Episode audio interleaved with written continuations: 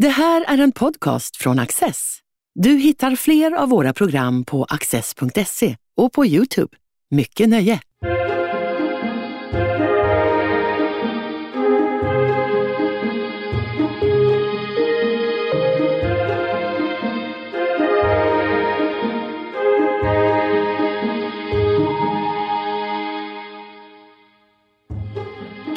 Kvinnliga nordiska målare använde ateljén som en plats för professionellt självförverkligande och konstnärlig iscensättning. Det har Karina Resch, fil. doktor i konsthistoria och intendent på prins Eugens Valdemarsudde utforskat i sin avhandling. Vilken betydelse hade konstnärliga nätverk för de kvinnliga målarnas erövrande av konstnärsrollen? Karina Resch, välkommen hit. Tack så mycket, roligt att vara här. Du har studerat nordiska målare och hur de använde ateljén för, som du skriver, professionellt självförverkligande. Hur kommer det sig att det blev just det här temat? Eh, ja, jag studerar konstvetenskap i Tyskland och eh, när man då pluggar konsthistoria i Tyskland så börjar man eller brukar man egentligen syssla med konsten från ja, Centraleuropa och Sydeuropa. Så det är ju främst den tyska, den franska, den italienska konsten. Och från detta perspektiv så ligger Sverige egentligen lite i periferin och den nordiska konsten överlag. Eh, sen har jag vid sidan av mina studier börjat läsa svenska, egentligen med, ja, som en fritidssyssla eh, med fristående kurser. Eh, och ehm, sen så småningom när jag kom in i masterprogrammet så tänkte jag att jag skulle kunna kanske jobba i Sverige och föra samman min utbildning och mina språkkunskaper. Och då sökte jag mig till ehm, Nationalmuseum ehm, och och Gripsholms slott där jag då jobbade som guide på sommaren. Och på Gripsholm så har de bland annat eh, svenska statens porträttsamling. Och bland dessa porträtt fanns eh, ett verk av konstnären Eva Bonja. Det är en av konstnärerna jag också skriver om i min avhandling. Och det är ett porträtt av hennes hushållerska Marie Bank. Och när jag såg det för första gången där på Gripsholm i 1800-talsavdelningen så tänkte jag vad märkligt det är egentligen att en högborgerlig kvinna som kom ur en ganska förmögen judisk förläggarfamilj avbildar sin hushållerska i ett porträtt som, som, som hade en så stor närvaro. Alltså, Marie Bank sitter där i en hemmiljö, läser i sin tidning, tittar upp mot konstnären. Och det känns som om det fanns en nära relation mellan dem trots eh, dessa klasskillnader mellan en betjänt och en högborgerlig kvinna. Så började jag fundera över hur kom det sig egentligen att Eva Bonnier då blev konstnär. Eh, I en tid där det verkligen inte var självklart för kvinnor. Och då gick jag lite in i litteraturen och tittade på en utställningskatalog som Liljevalchs konsthall gav ut 1988. Och det var en utställning som då hette De drogo till Paris. Och det var egentligen den första utställning som då i en ja, stort visade upp de nordiska kvinnliga konstnärer som reste till Paris för att utbilda sig. Och på bokomslaget så kunde man då se uh, Hanna Hirsch Paulis porträtt av kollegan Venny Soldan som sitter i ateljén i Paris eh, på golvet och håller på att modellera en skulptur. Och, eh, och jag bara kände att ett sådant porträtt har jag aldrig sett, varken i den tyska, den franska eller ja, eller någon annan egentligen nationell kontext under den här tiden, alltså 1886-87, så oerhört tidigt. Ehm, och då tänkte jag att jag skulle vilja fördjupa mig lite i det, så började jag skriva om det här ämnet inom min master i Berlin då. Och sen sökte jag mig till Stockholms universitet för att fördjupa ämnet i en avhandling. Och det är så, så jag hamnade eh, eh, ja, det jag har forskat om de senaste åren. Och du nämnde ju också 1880-talet. Hur mm. kommer det sig att det blev just den perioden som var mest intressant att titta på? Mm, ja, det är en, en väldigt spännande brytningstid, egentligen hela 1800-talet i samhället i stort, industrialiseringen um, men sen också för kvinnorna som så småningom fick uh, större medborgerliga rättigheter. Det var först under 1800-talet som kvinnor fick näringsfrihet, från 1871 till exempel fick de studera på universiteten. Ehm, de blev myndiga vid 25 års ålder under förutsättningen att de inte var gifta. Ehm, och eh, ett ganska viktigt datum då i konstens område är då 1864 där kvinnor fick tillträde till Konstakademin i Stockholm och fick studera på den så kallade fruntimmersavdelningen. Och då fick alltså kvinnorna i Sverige tillträde till eh, konstnärlig utbildning på en akademisk nivå som egentligen var jämförbar med, med männens utbildning då på akademin. Eh, och jag brukar alltid jämföra det lite med Tyskland och Frankrike för att förklara hur tidigt det var här i Sverige. Helt enkelt för att i Tyskland var det först efter första världskriget 1919 där kvinnor fick tillträde till akademin. Och det dröjde även i Frankrike till 1897. Ja, alltså kvinnorna i Sverige hade tillträde till akademin mycket tidigare än i andra länder. Eh, sen ehm, sker en viss utveckling då vid 1880-talets början inom konstens område då i stort. Eh, konstnärer brukade under hela 1800-talet resa till Tyskland för att utbilda sig. I början av 1800-talet var det Dresden, sen Düsseldorf, sen München. Och vid 1880-talet sker ett ganska radikalt skifte mot Frankrike och den nya franska konsten med naturalismen och realismen och sen så småningom också impressionismen. Alltså en förskjutning från ett akademiskt och narrativt måleri till ja, en ett, ett friare uttryckssätt. Och under samma period började då också kvinnliga konstnärer från Norden resa till eh, Sverige. Och det är just under 1880-talet där många av dem befann sig i eh, Eh, Paris. Och min eh, kollega Lina Holger har räknat ut att det var omkring 120 konstnärer från, alltså kvinnliga konstnärer från Norden som eh, under 1870-80-talet befann sig i Frankrike för att studera. Så, så, det är lite grann en, en kulminationspunkt kan man kanske säga där, ehm, där kvinnliga konstnärer också börjar att utforska den egna yrkesidentiteten på ett mycket jävare sätt än vad man kanske har sett i de decennierna förut. Och det är också under den perioden de börjar bygga nätverk med varandra, de börjar avbilda varandra i sin yrkesroll. Så det är mycket som sker i konsten där man under det här decennium kan se en ganska radikal utveckling mot att kvinnorna väljer att avbilda sig um, ja, självmedvetet i sitt arbete, i sin yrkesroll på ett sätt som de inte har gjort tidigare.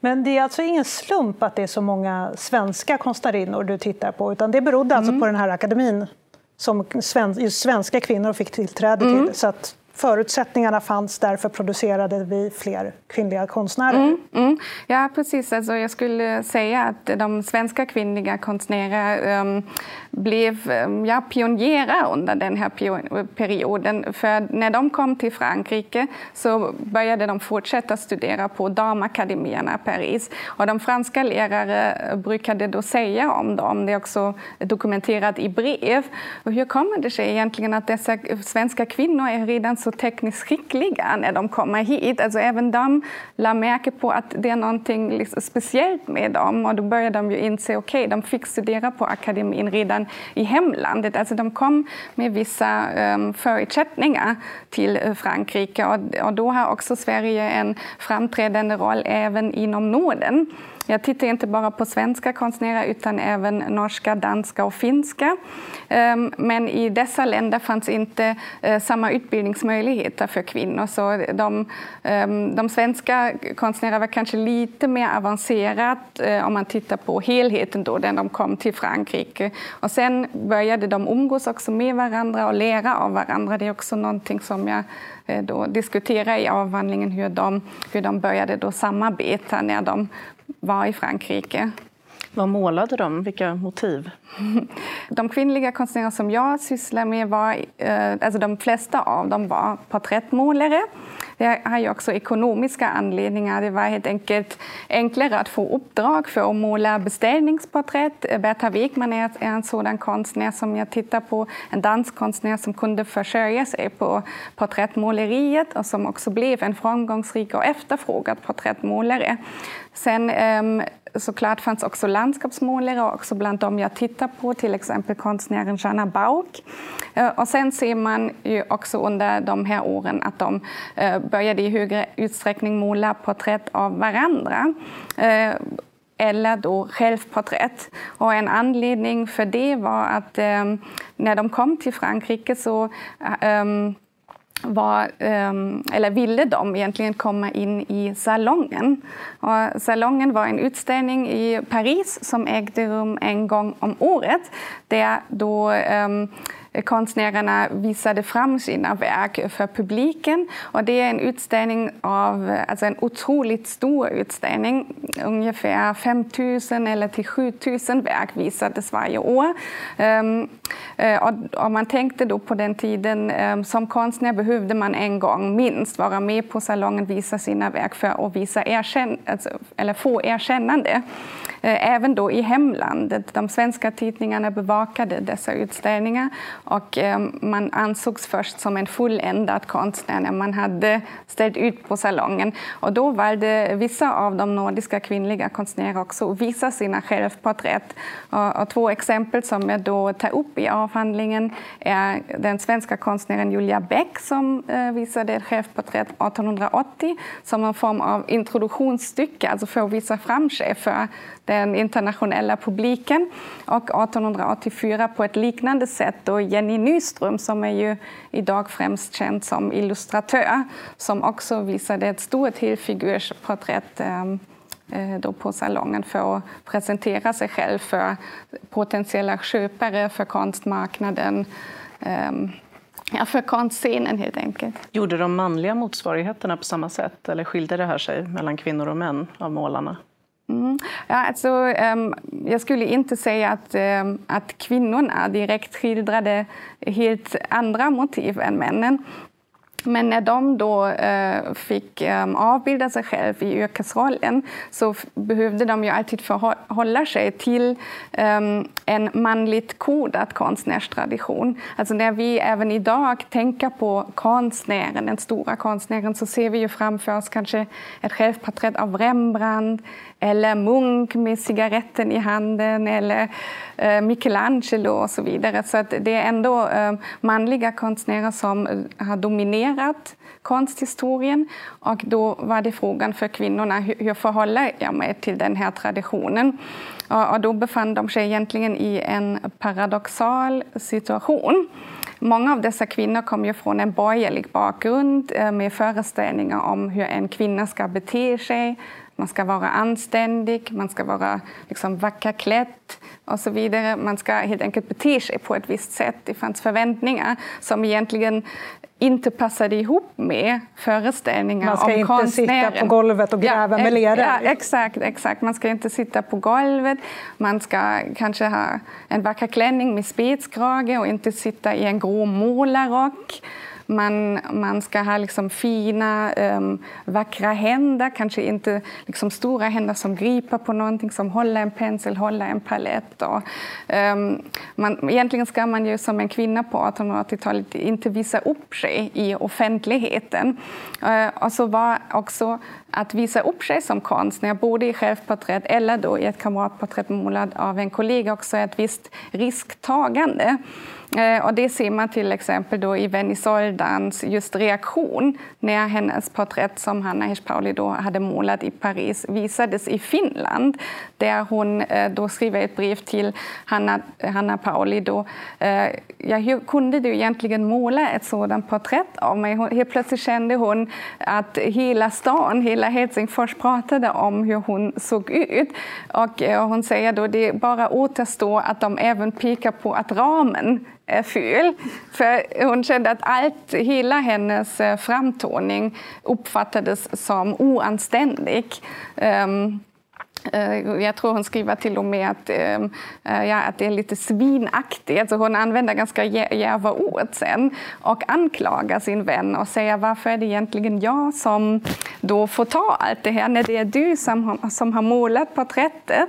Ehm, och det här brevet var för mig då ett ganska spännande fynd där man kan se att ja, det är ändå den som sitter för ett porträtt som tar risken än den som då avbildar sin kollega i just den här konstnärsrollen som egentligen är en delad identitet.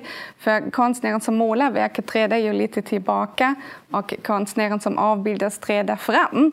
Eh, och då började plötsligt Venisodan känna sig lite ensam och um, uppvisad då i offentligheten medan hennes kollega då fick inte ta samma kritik fast hon hade ju målat porträttet. Så. Eh, så det är lite spännande att se också de här konflikterna mellan konstnärerna som kan uppstå. De var vänner, men det, det fanns viss rivalitet, det fanns konflikter. Det var inte bara eh, liksom, um, som vänskap. Um, det låter som att tiden. du har haft ett otroligt spännande källmaterial. För mm. Du har dels tittat på de här tavlorna, men du har haft eh, utställningsprogram, brev. Hur har du hittat det här och hur har du gjort mm. urvalet? Mm, ja, alltså när jag började med det här ämnet um, fick jag delvis lite kommentarer från kollegor. Oj, 1880-talet det är ju ett, en period där eh, vi konstvetare har grävt så mycket. Alltså, det finns ingen annan period i nordisk konsthistoria som är lika väl beforskat. Um, för det är ändå lite grann en glansperiod, en liksom golden age i, i nordisk konsthistoria med alla de här kända namnen, Anders Zorn, um, Carl Larsson och så vidare. Um, och, och, då tänkte jag ändå, nu ska jag gå tillbaka till arkiven och, eh, och gräva lite och då upptäckte jag att um, Visst, man vet ju sedan lång tid tillbaka att eh, kvinnorna blev strukturellt diskriminerade, att museerna kan, köpte inte deras verk i lika hög grad som de köpte männens verk. Men det påverkar även arkiven och var deras eh, kvarlåtenskaper egentligen hamnar. Eh, för då började jag titta på Hildegard Torells brevsamling och hon ehm, eh, var en porträttmålare, eh, en gift kvinna. Som var, detta var ganska ovanligt för en professionell kvinnlig konstnär att hon var gift men hennes man accepterade hennes yrkesval och hon fick till och med ehm, resa till, till Paris. Och, ehm, detta har också då påpekats i svenska tidningar på den tiden att hennes man hade låtit henne resa ensam till Paris. Ehm, och eh, då började jag titta på hennes brevsamling ehm, i Konstakademins arkiv. Mm, och, ehm, och därifrån gick jag då till Nationalmuseum där jag hittade ett brev där eh, en släkting då till um, Hildegard Torell hade erbjudit Nationalmuseum att ta emot hennes brevsamling. Men antagligen så eh, valde Nationalmuseum att inte ta emot dessa brev. Det var på 70-talet och då tänkte man, vem var Hildegard Torell? Ja, en akademisk porträttmålare, egentligen inte så spännande. Ska vi nu ta emot alla dessa lådor med dokument och brev? Och I detta brev skrev då också hennes släkting, jag kanske ger detta till Nordiska museet museet. Och, då kontaktade jag Nordiska museet och hörde med dem. Eh, och så, så skrev de tillbaka, ja vi har material. Eh, inget av det var digitaliserat eller så, som man behövde liksom höra av sig och, och sen fick man veta att det fanns någonting där. Och när jag kom dit så um, såg jag en massa lådor som eh, uppenbarligen inte hade öppnats egentligen sedan detta material hade donerats. Och bland dessa hittade jag då brev eh, skrivna av ehm, um, Jeanne Bauk och Berta Wegman. Ehm, det är ungefär eh, 52 brev som de skrev från 1880-talet till eh, 1920-talet, alltså egentligen genom hela deras vuxna liv. Och, och, det är ju en fynd där man som konstvetare känner att man, nu har man en checkpot framför sig. Eh, och sen fanns också brev eh, där man kunde se att arkivarien inte riktigt hade förstått vem brevskrivaren var. För då, då stod det bara en anteckning skriven av någon som heter Asta. Och när jag tittade i de här breven så eh, insåg jag att det var Asta Nöregard som också var vän med Torell. Och så plötsligt upptäcker man då i arkivet ett helt nätverk av kvinnliga konstnärer som då eh, var kollegor som diskuterade i sina brev om ja, det vanliga livet men också om konsten, om deras syn på konsten, om deras arbete, hur de ställde ut, hur, um, beskrev helt enkelt uh, saker som var väldigt intressanta och användbara för, för min forskning. Eh, och där ser man också att eh, visst, de manliga konstnärerna de var, och deras relationer var mer synliga i det offentliga livet. Om man då tänker i Sverige på opponenterna, Konstnärsförbundet som grundar sig. Eh, men under ytan så att säga fanns också relationer som kvinnliga konstnärer byggde upp. Även de byggde nätverk, men dessa nätverk är helt enkelt inte lika synliga och de blir först synliga i arkiven och i de privata breven och korrespondensen konstnärerna emellan. Ateljén får ett helt eget kapitel i din avhandling. Eh, hur var de här ateljéerna uppbyggda och varför var de så viktiga? Mm. Um, Eh, 1929 skrev ju eh, Virginia Woolf eh, en essä med titeln Ett eget rum. Och det här begreppet ett eget rum har jag då också använt mig av i min avhandling. För Woolf menade då att för en kvinna att vara framgångsrik behövs egentligen två saker två ganska enkla saker egentligen. Pengar och ett eget rum. Ett eget rum alltså som en plats där man kan skapa, nu, nu i hennes fall då, där man får skriva sina böcker, sina romaner och där man kan vara i fred. Um, det känns ju kanske från ett samtida perspektiv ganska självklar. Men för kvinnliga konstnärer under 1800-talet var det inte lika självklart att ha en plats för att skapa i. Och man kan se att många av dem då brukade arbeta i en hemmiljö, att de egentligen inte hade tillgång till ehm, ehm, en egen ateljé med eh, tillräckligt plats för arbetet, med rätt ljus och så vidare. Så, så att eh, de arbetade under ganska svåra förhållanden. Sen hade de ju också, fanns också förväntningar från familjen. Man fick ta hand om sina syskon, hjälpa med i hushåll. Det fanns inte lika mycket tid kvar för att arbeta. Eh, och detta syns till exempel då i breven som Anna Norlander skrev till sin kollega Kerstin Gardon. Anna Norlander hon kom från Skellefteå och tillhör en lite äldre generation, alltså verksam på 1870-talet. Och de två konstnärer, eh, Norlander och Gardon, var då på jakt efter ateljé i Stockholm och skriva brev till varandra. Ja, när du går ut på gatan ska du hålla utkik efter ett eh, stort fönster mot norr som ska vara vår lycka. Ja, alltså det är ett ganska fint brev där just beskrivs vad behövs egentligen för, för um, för förutsättningar för arbetet. Och då nämner också Norrlanda, ja, min familj tycker egentligen inte att jag ska få en egen ateljé till jag har blivit bättre.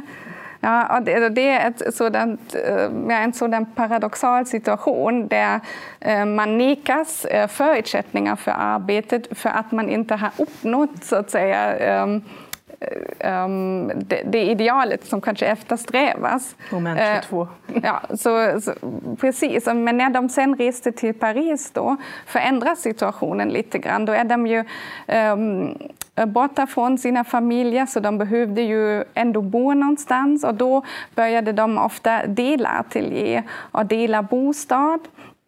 Och sen började de också visa fram sina ateljéer och eh, Ehm, och visa också fram eh, den stolthet de kände över att ha den här platsen till det egna arbetet. För ateljén var ju också ehm, ett uttryck då för en professionalitet. Och det ser man till exempel i Asta Nörregards porträtt där hon står i en ja, idealateljé med, med ehm, det jämna ljuset som kommer genom fönstret. Man ser ett landskap genom fönstret i bakgrunden.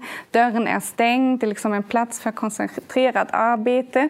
Och sen har hon då en stor altartavla som hon jobbar med. Alltså man behövde också högt i tak helt enkelt för att måla i det stora formatet. Så hon visar fram altartavlan och hon står mitt i rummet. Så hon har plats runt omkring sig. Alltså det känns verkligen som det egna rummet som hon visar fram. Sen har hon hennes ähm, ähm, färgtuber då som ett litet stilleben arrangerad i förgrunden. Och sen ser man också ett porträtt som lutar på väggen vid sidan. Alltså det, det är som ett Ateljén blir som ett visitkort där man visar fram sig själv i yrkesrollen. Och I Asta Nörregards fall då visar hon också fram att hon egentligen behärskar allt som en konstnär ska behärska, nämligen det religiösa motivet med altartavlan, porträttet genom sitt eget självporträtt, då, interiören genom ateljén, landskapet i bakgrunden. Alltså alla konstnärliga genrer um, visas fram i ett enda ateljémotiv. Och, och där ser man helt enkelt hur, hur viktigt ateljén också som motiv blev för att eh, visa fram sig själv i, i sin yrkesroll, i sin professionella identitet. Eh, sen tyckte jag också att ateljén är en ganska spännande eh, plats när man tänker på um, um, dialektiken mellan det privata och det offentliga inom 1800-talet. Det är ju närmast en trop inom humaniora och socialvetenskapen att under 1800-talet är det mannen som, eh, som är ute i det offentliga livet och det är kvinnan som eh, står då för hemmet och det är två helt skilda sfärer. Ehm, och när ehm, då på 1870-talet och fram, eh, 1970-talet och framåt. Ehm, den feministiska konsthistoriska forskningen har börjat titta på kvinnliga konstnärer så skrev ehm, en viktig pionjär på fältet, Griselda Pollock, en artikel där hon skrev ja, de kvinnliga um, impressionisterna uh, i Frankrike som Berthe Morisot eller Mary Cassatt, de, de målade hemmiljön eh, de var avantgardister, men eh, de var inte the painters of the modern life som var ute på gatorna, utan de, de målade sina barn, de målade trädgårdar, de målade kvinnan på balkongen. Men när man då tittar på den nordiska konsten ser man något helt annat, nämligen då målar kvinnorna ateljén. Eh, och ateljén är egentligen mer en hybridplats som kan eh, vara både privat och offentligt. Man kan liksom stänga dörren och kan vara själv, kan skapa. Men ateljén var också en mötesplats där um, konstnärsvänner um, kom på besök, där man också tog emot um, uppdragsgivare, samlare, journalister kom uh, till dessa ateljéer. Så det var också offentliga platser. Och då börjar man plötsligt inse att den här gränsen mellan privat och offentlig, eh, offentlig funkar inte här. Det går eh, i varandra, så att säga. Och det var också en anledning varför ateljén blev en så mytomspunnen plats på den här tiden där man då i eh, artiklar i tidskrifter och tidningar började skriva såna um, besök i ateljéartiklar, alltså där journalister kom till ateljéerna och beskrev hur det egentligen ser ut. Och då började publiken känna att man kom in i så, så att säga konstnärens um, ja, hemliga ska, plats av skapande. Alltså redan på den tiden var um, ateljén um, ja, också någon form av mytomspunnen plats som man gärna ville, ville komma in och det var där man kände att man kunde, kunde komma konstnären verkligen nära. Alltså det, det är en plats med många betydelser och implikationer. Det är därför också jag tyckte det var så spännande att studera eh, just ateljén. När vi pratar om de här kvinnorna och deras nätverk och deras vänskap och sådär, eh, Fanns det ingen konkurrens dem emellan? För allting som du berättade är att det, det var ju svårare för kvinnorna, marknaden var mer begränsad. Mm. Fick de inte slåss lite om de här platserna som ändå fanns? Mm. Ja, absolut. Och det var också något som jag verkligen försökte påpeka i avhandlingen så att det inte låter liksom alltför eh, vänlig och positiv och, och så. Och, och, det, och, det, kan man också se i, i breven. Alltså, Um, visst, det, det, först kan man kanske säga att det fanns också ganska pragmatiska anledningar varför kvinnor samarbetade. Um, som en kvinna på 1800-talet kunde du inte bara gå ensam på gatan, du behövde ha en annan kvinna, kvinna med dig. Uh, när du hade en lärare behövde du också vara minst två med läraren, annars ansågs det oanständigt att du skulle vara själv med en man. Um, sen behövde de också dela bostad och ateljé för att det var billigare. En konstnärskollega var också en modell som var nära till hands. En modell som man eh, kunde kanske teckna av, måla ett porträtt av utan att betala eh, för. för eh, modellerna i Paris eh, var redan på den tiden ganska dyra. Det fanns relativt få, så man eh, fick också slåss om modellerna. Och då var det ganska enkelt att måla sina kollegor. Det berättar till exempel då Berta Wigman och Jeanna Bauk att de målade porträtt av varandra till, till salongen också helt enkelt. För då hade man en vän som också um, var beredd att sitta för porträttet, alltså flera sittningar. Det tog ju lång tid att måla ett porträtt. Ofta gick det inte på en eftermiddag, så det fanns helt enkelt pragmatiska skäl också för dessa vänskap.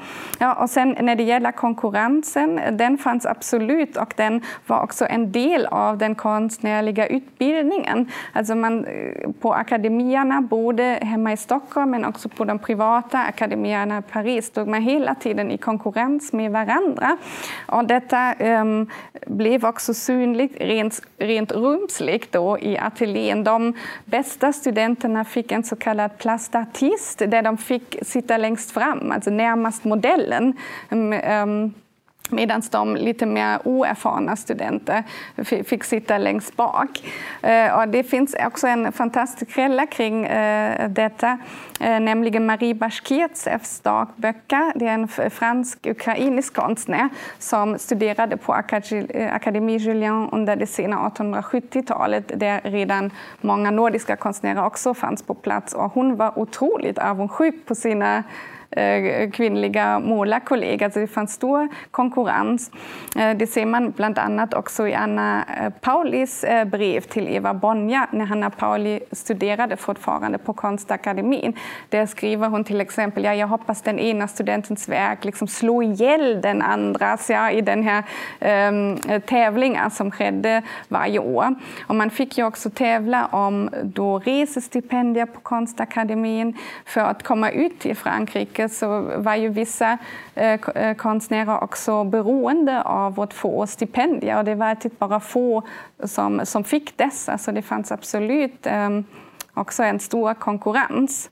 Det var, ja, som så ofta är det inte, inte bara vänskap och kärlek eh, eller någon fientlighet utan, utan det är en glidande skala mellan konkurrens och samarbete. Eh, och det är också något som jag då diskuterar i avhandling genom eh, ja, det engelska begreppet emulation som kommer då från emulatio och en föreställning att man genom tävling egentligen också förbättras som konstnär.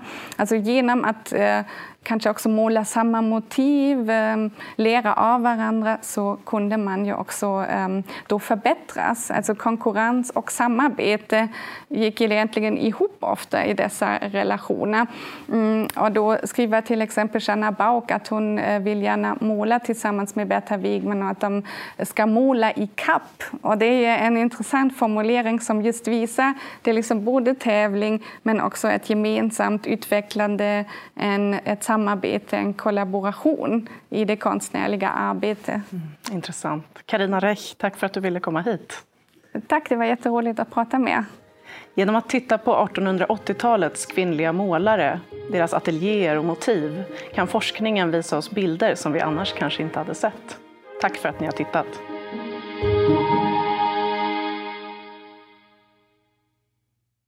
Du har just lyssnat på en podcast från Access. Du vet väl att vi också är en tv-kanal och tidning? Teckna en prenumeration idag på access.se.